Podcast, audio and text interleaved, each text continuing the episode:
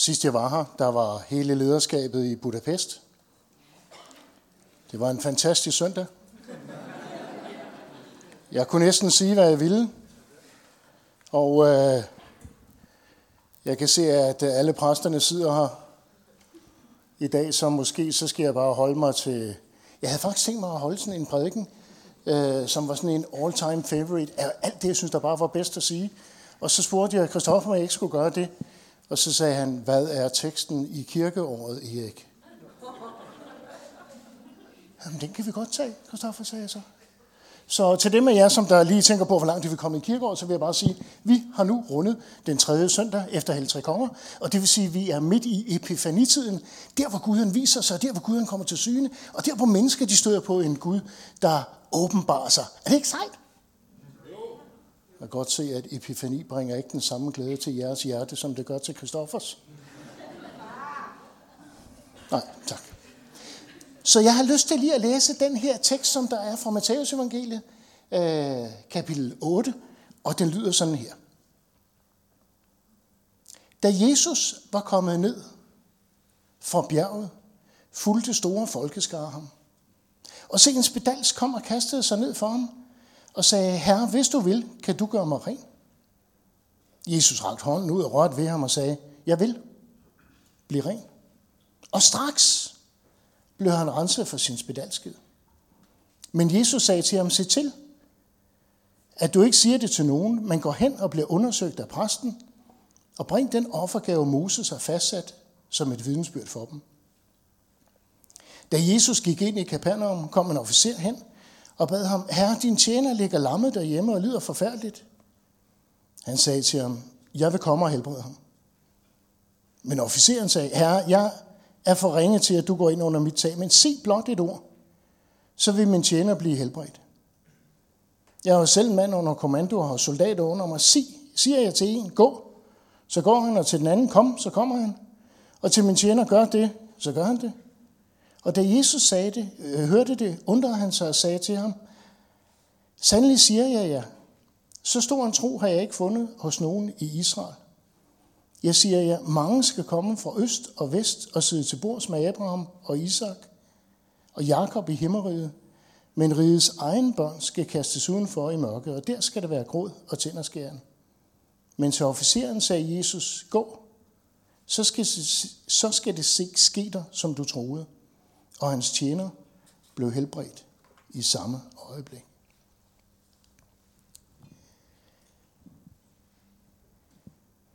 En total sej historie. Prøv at glide hen på slide 1. Det var slide 2.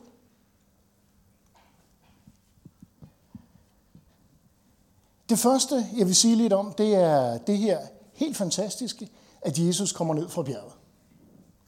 Jeg ved ikke, om du har lagt mærke til, at hvis du har læst Gamle Testamente, så vil du kunne se steder, hvor Gud han åbenbarer sig, og Gud han viser sig. Altså sådan en epifani.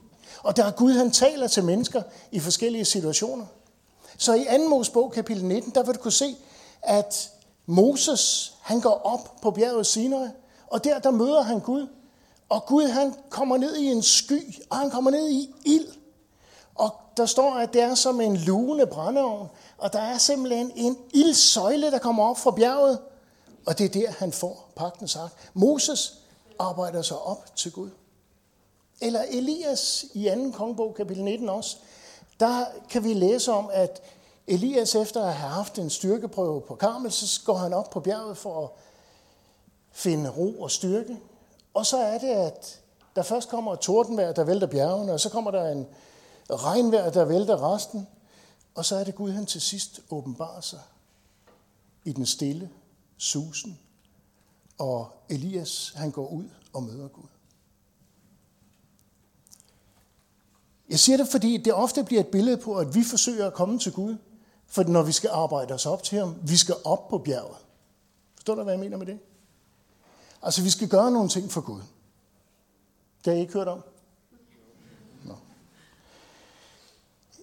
Når Jesus han øh, handler her med både den spedalske og den samaritanske, øh, hvor den øh, spedalske og officeren i Kapernaum, så er det ikke en belønning for gennemført trospræstation, men snarere en gave i tomme hænder, som der tager imod. Hvad skal vi møde Gud med? En lovsang. Tilbedelse. Tilbedelsen er, når vi åbner vores hænder. Der er en verden til forskel på at møde din tilværelse med knyttede hænder eller åbne hænder. Åbne hænder betyder, at du ønsker at tage imod det Gud han giver. Knyttede hænder betyder, at du er parat til at slås for hvad som helst. I mit liv har jeg følt, at der har været en bevægelse fra knyttede hænder til åbne hænder. Sådan så, at øh, jeg ikke længere har behov for at knytte mine hænder. Eller sagt med andre ord, tror jeg, at jeg skal komme med alt. At jeg skal være bedre i livet. Øh, præstationerne herrer i mange af vores liv. Hvis Gud han virkelig skal se mig, og hvis han skal have en berøring af Gud, skal jeg så være moralsk uplettet, og øh, skal jeg gøre det rigtigt for at kalde mig kristen, eller øh, skal jeg have tingene til at hænge sammen? Øh, skal hele mit liv være fantastisk, for at jeg kan kalde mig troende? Eller hvad skal jeg gøre? Hvordan er det, mit liv skal hænge sammen? Skal jeg arbejde mig vej op til Gud? Hvad skal jeg gøre for at møde Gud?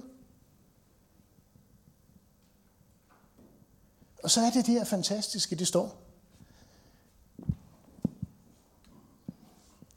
Da Jesus var kommet ned fra bjerget.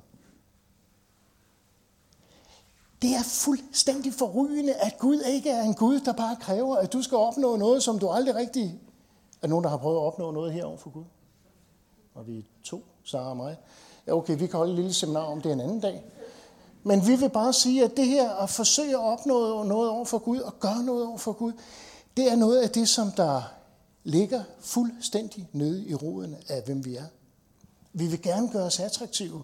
Vi vil gerne være lækre. Vi vil gerne have, at Gud han ser os. Og vi misser, at det ikke er vores præstation, men hans kom ned til os, der virkelig betyder noget. Det er det, hele epifanien øh, det handler om. Og hvis I vil høre en fantastisk prædiken omkring epifani, øh, hele motivet, så skal I lige gå ind på Bethlehemskirkens øh, hjemmeside. Der skal I lytte til en gæsteprædikant, vi havde her ved epifanikudstjenesten, som hedder Christoffer Ågaard. Og han holdt en fantastisk liturgisk epifani-gudstjenesteprædiken om de tre hurlige elementer i, uh, Guds tilsynekomst, men det vil jeg selvfølgelig ikke fortælle noget om, for det har han fortalt, så jeg kan ikke bare hugge Christoffers prædiken, jeg bliver nødt til at finde min egen. Så kig lige, klik lige ind på øh, Bællemskirken, lyt til en prædiken, gå lige hen til øh, 5. januar, og så kan I lige høre, hvad Christoffer siger. Gud kommer ned til os. Ja. Gud bliver menneske. Det er det, han kalder dig til, at blive menneske. Og det kan jeg godt se, det forstår I ikke. Indimellem så tror vi, at vi skal næsten være som Gud, for han vil overhovedet med os, noget med os at gøre. Men Gud kalder os til at være mennesker. Kalder os til at være over for hinanden, som mennesker bør være fulde af kærlighed og alt muligt andet. Nå, det var indledningen det her.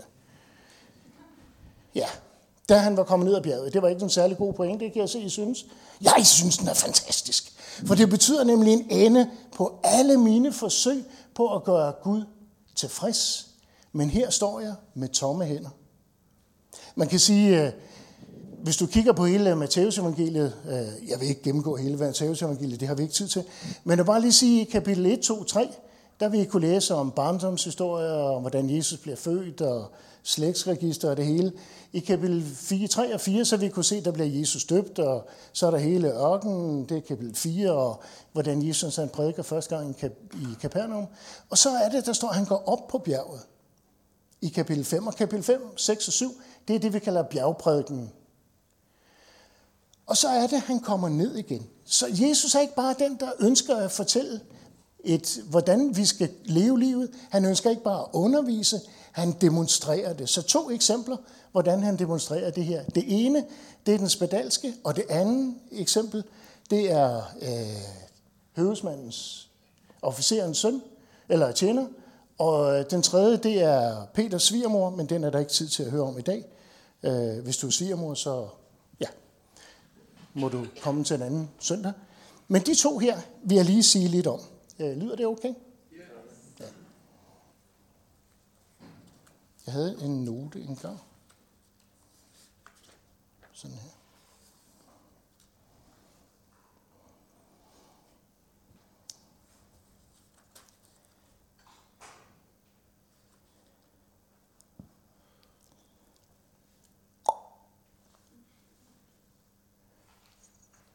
Den skifter deroppe.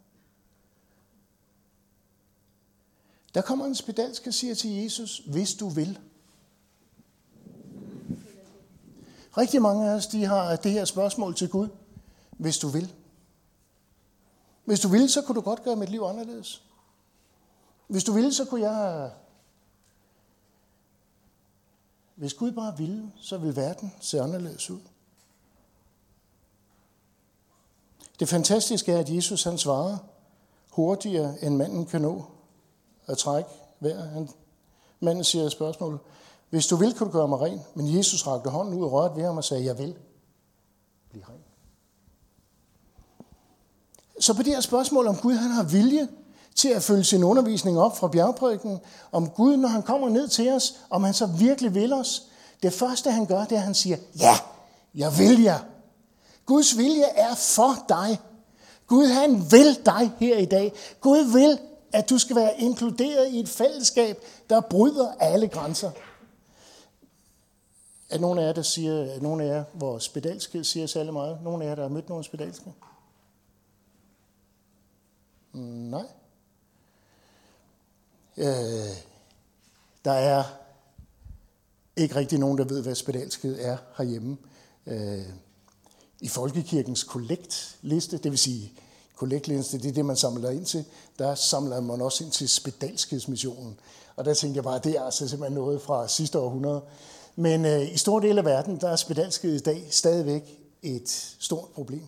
Spedalskhed var det, man ikke kunne helbrede i Gamle Testamentet. Så manden, når du læser det, står der heller ikke, at han bliver helbredt. Der står, at han bliver renset. Spedalskhed er det, der isolerer dig totalt, fordi du mister følelsen i dine lemmer. Og fordi du mister følelsen i dine lemmer, så kommer du til at brænde dem, skære dem. Du kan ikke mærke noget. Og så visner de langsomt, fordi blodgennemstrømningen heller ikke fungerer. Ørerne falder af, næsen falder af, lemmerne falder af. Spedalskhed isolerer dig, og i Gamle Testamentet i 3. Mosebog, så er der forskrifter, der siger, at hvis der er en, der er spedalsk, så skal man sætte ham uden for lejren, uden for fællesskabet, uden for vennerne. Man skal isolere ham, for den sygdom, han har, må ikke sprede sig. 3. Mosebog siger også, at han ikke bare skal isoleres, men når den spedalske går rundt, så skal han gå med en klokke, hvor der står, eller gå med en klokke, og så skal han ringe, og så skal han råbe, uren, uren, uren, hvis han går ned ad Nørrebrogade. Hvad siger du til det? Tænk, hvis du ikke bare blev ekskluderet af et fællesskab, på grund af de ydre omstændigheder. Det kunne du måske skjule ved at tage en ekstra lang trøje på og øh, låne Christoffers hue eller noget andet. Men hvis du også selv skulle forkynde over for resten af verden, jeg er uren, jeg er uren, jeg er uren. Og det er ikke nok med, at du skulle gå og sige det, men du gik med en stor klokke. Prøv at forestille dig at gå ned og strøget en lørdag her inden jul, og du lige vil ud og juleshoppe lidt, og var spedalsk. Altså det mest fantastiske ville være, at der ikke var nogen køer nogen steder. Der ville ikke være køer nede ved kassen. Man ville heller ikke kunne betale noget. Der var ikke nogen ekspedient til at trykke på klar. Det kunne være helt fantastisk på en måde. Og på den anden side, så ville det være noget af det mest umenneskelige, det var, du er isoleret og kastet væk. Og det er sådan så, at der er selvfølgelig en frygt for, at hvis du rører det urene, så bliver du selv uren. Det smitter. Forstår I, hvad jeg mener med det? Urenheden smitter. Men Jesus han er den, hvor når han møder den spedalske og den urene, så siger den spedalske til ham, hvis du vil, kan du gøre mig ren. Og Jesus ikke bare lytter til ham og siger, ja, det var et godt spørgsmål, men han siger straks, eller han rører ham, og så siger han, jeg vil blive ren. Den spedalske, som ingen vil røre, og som ingen vil være sammen med, han bliver berørt af ham, som der er ren. Vi tror, at hvis vi rører det urene, så bliver vi urene, men skriften fortæller os, at, eller Jesus fortæller os, at når den rene rører ved det urene, så bliver det urene rent. Hvis Jesus han er med. Lyder det ikke som gode nyheder? Okay, vi er fire, der synes, det er gode nyheder. Jeg synes, det er fuldstændig fantastisk, at Jesus, som der vil røre, det vil så sige, det svarer nogenlunde til, at hvis du har AIDS, Ebola, samtidigt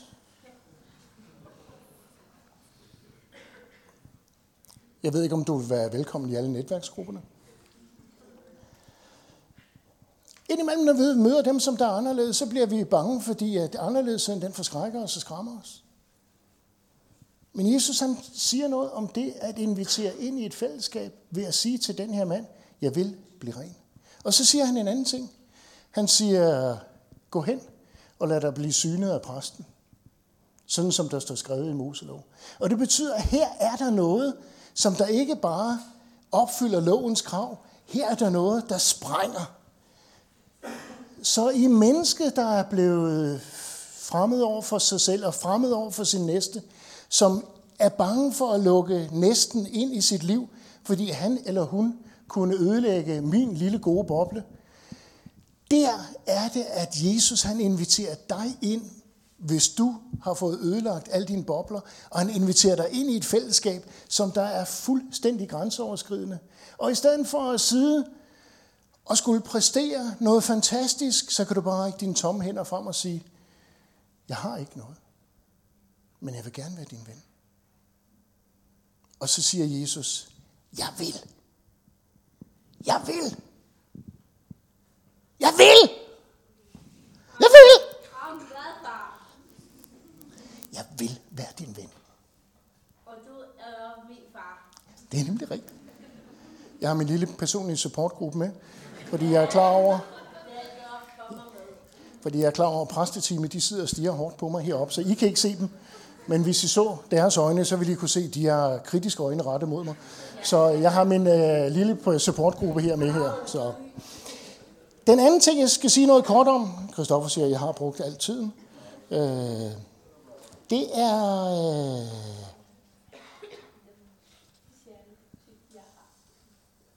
officeren. Officeren her, som der kommer til Jesus, han er sådan i Bibels sprogbrug en ægte hedning.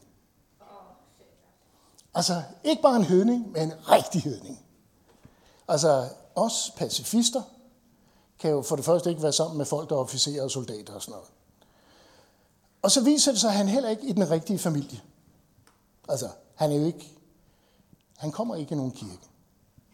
Det kan jeg lige så godt sige. Det står der her i skriften. Han kommer ikke i nogen kirke.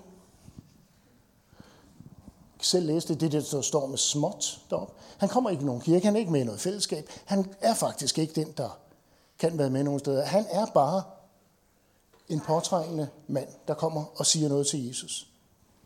Han siger, min tjener ligger syg derhjemme. Så siger Jesus, jeg vil komme og helbrede ham. Øh, og så siger officeren, nej, nej, du skal bare sige et ord, så bliver han rask. Det er fint med mig. Og så siger Jesus noget fantastisk. Større tro har jeg ikke stødt på i hele Israel. Og den tro, han har, sammenligner han med Abrahams tro.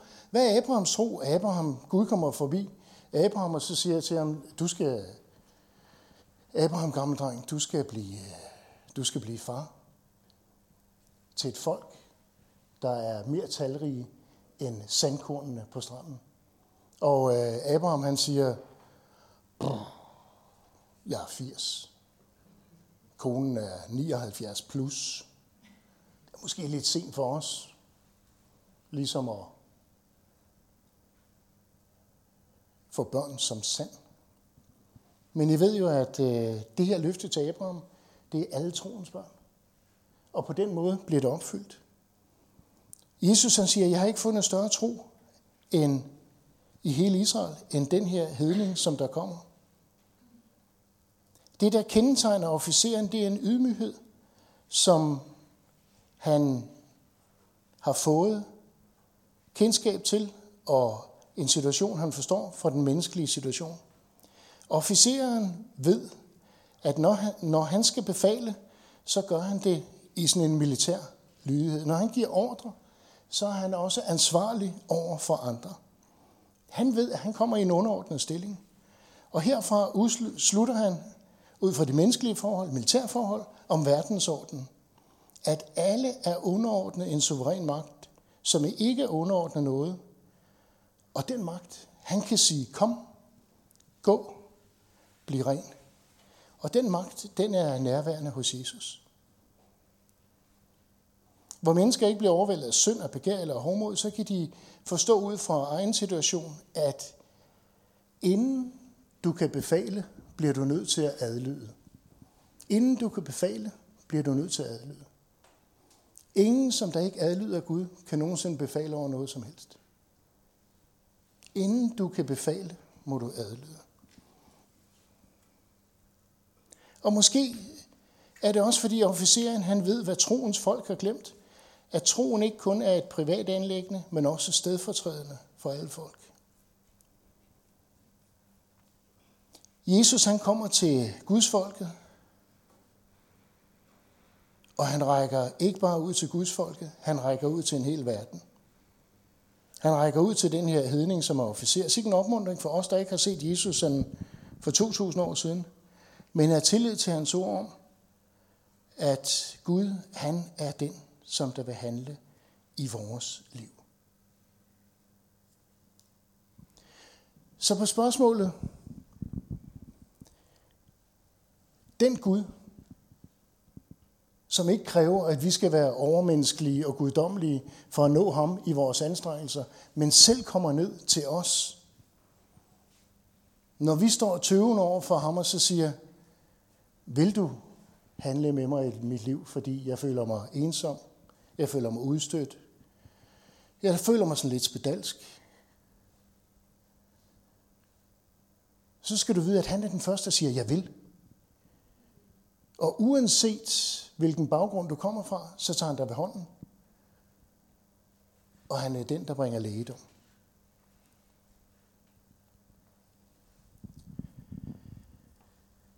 Til den anden, officeren, der siger han, at troen er ikke en tilslutning til en masse spekulationer, men troen er et tillidsforhold til ham, som alt i verden må adlyde. Måske ikke i dag, men der kommer en dag, hvor alt må adlyde Jesus. Hvorfor? Fordi han selv har levet et liv under befaling fra Gud. Så det er sjovt, hvis du lige læser teksten igennem, når du kommer hjem, hvis du ikke lige kan sove oven på VM her, og ikke skal se det sammen med syv andre, der har bondet det derhjemme her i aften. Så før du går i seng, læs lige den sidste halvdel af teksten her derhjemme, og så kan du se, at, øh, at øh, Jesus, øh, officeren han siger, kom til Jesus. Han siger, kom med mig hjem og helbred mig. Og Jesus han siger til ham to gange, gå. er det ikke fantastisk?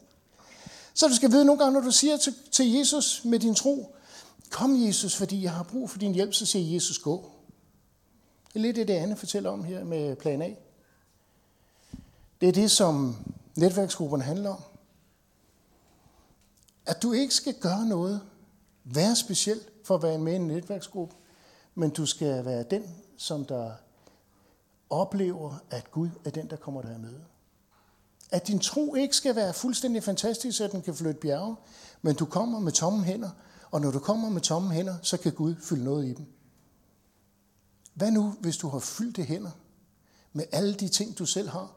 Vil du nogensinde kunne bære noget? Nogle af jer, der, har været, der var ude og juleshoppe for en måneds tid siden. Der var seks, der var ude og juleshoppe. Var I klar over, at når man juleshoppede, så kom man ud med en pose og kom hjem med 15? Ja. Jeg mødte en mand, der gerne ville give mig en gratis æbleskive og et glas gløk. Der kunne jeg se, at jeg havde shoppet for meget. Jeg vidste også, at hvis jeg slap poserne, så ville mit tag i dem for evigt være fortabt og jeg vil aldrig nogensinde kunne få samlet poserne. De har sådan halvt skåret sig ind. I kender de der poser, ikke? Halvt skåret sig ind. Jeg havde fuldt konens opfordring og købt det, der stod på listen. Listen var længere, end mine arme var til sidst. Men da jeg stod med poserne, så blev det klart for mig, at jeg kan ikke tage imod noget af det, som folk gerne vil give mig, som der vil være godt for mig, for jeg har mine hænder så fulde af alt det, jeg selv er beskæftiget med. Så, den her søndag aften, hvad skal vi have ud af det? Gud kommer ned fra bjerget. Her kunne man godt sige et lille halleluja.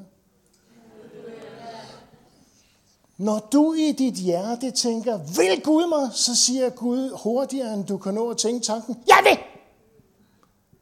Og så rører han dig med sine hænder. Her kunne man godt sige. Og når det så er, at vi står og tænker, vores tro rækker den nok, så skal vi vide, at vores tro er ikke en præstation, men vores tro bliver, at vi kommer under ordre fra den Gud, der ønsker os det bedste. Tak, Kristoffer. Det er det, vi skal have med. At Gud kommer ned til os, og han ønsker at fylde dit liv. Når du siger til Gud, kom, så siger han til dig, gå, for ellers oplever du ikke det, Gud vil i dit liv. Du kan ikke binde Gud, men du kan gå på hans ord og opleve hans velsignelse.